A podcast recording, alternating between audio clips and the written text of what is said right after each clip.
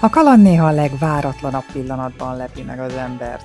Szereplőink saját életükből vett érdekes, izgalmas, szórakoztató történeteiket mesélik el. Tarts velem a Kalandvágyból sztori adásaiban, és hogy ne maradj le az új részekről, iratkozz fel a csatornára.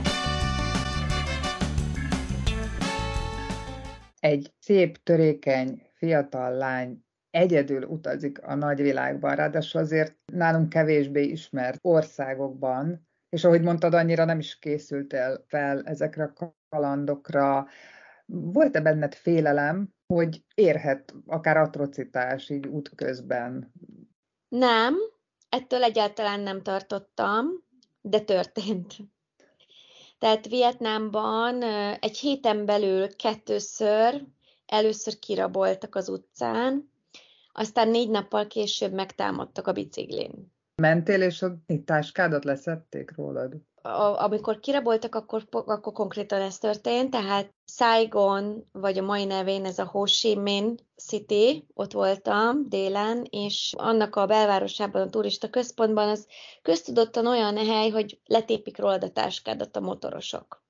Tudtam, tényleg mindennapos dolog, de nem volt ott senki, tehát körülnéztem az úton, hogy átmegyek az úttesten, és senki, sehol senki, ráadásul nem is voltam egyedül. És a semmiből előjött ez a motoros, és letépte a táskámat, és elvitte. Hát telefon volt benne, meg némi készpénz, mit tudom én, nem tudom, 10-15 ezer forintnyi készpénz lehetett benne, tehát nem olyan vészes. Ez volt az első. Ez még úgy oké okay volt, azt mondom, mert elveszítettem tárgyakat.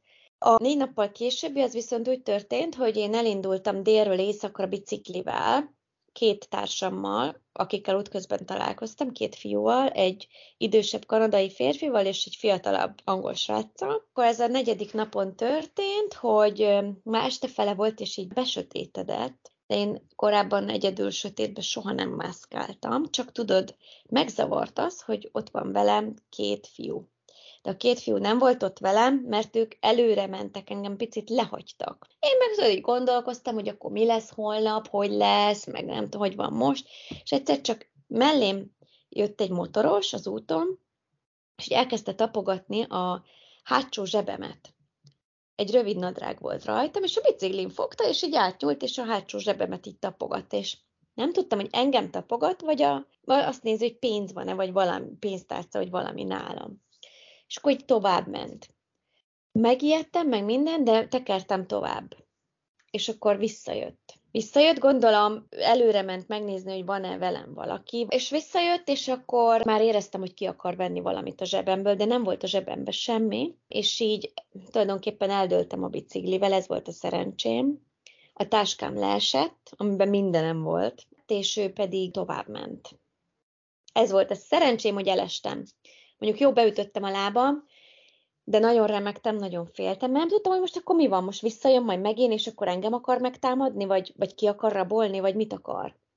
És akkor gyorsan hívtam a két fiút, visszajöttek, és én már nem mertem fölülni a biciklimre, úgy toltam, hogy a, a út szélén mentem, és a bicikli az köztem meg az út között volt. Utána nagyon rosszul voltam lelkileg, felszálltam egy buszra a biciklimmel együtt, és egy már említett helyi barátomnak a családjához elmentem, és ott bevártam a fiúkat, ez körülbelül olyan 130 kilométerre volt.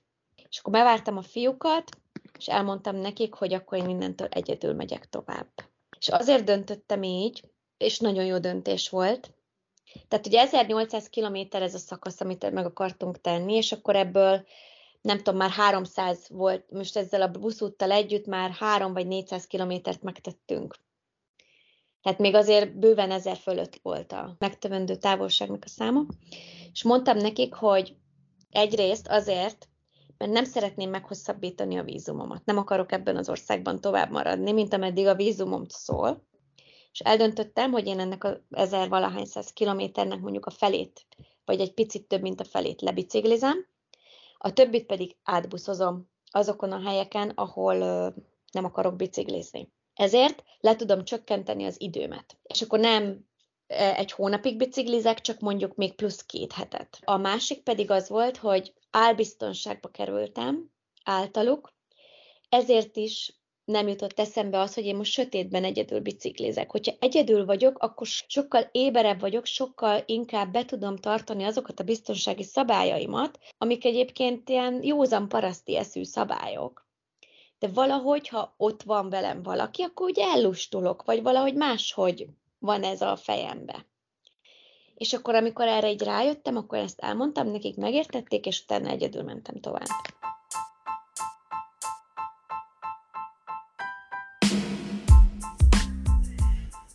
Ha te is szívesen megosztanád kalandos történetedet, jelentkezz a www.kalandvagyból.hu per story oldalon.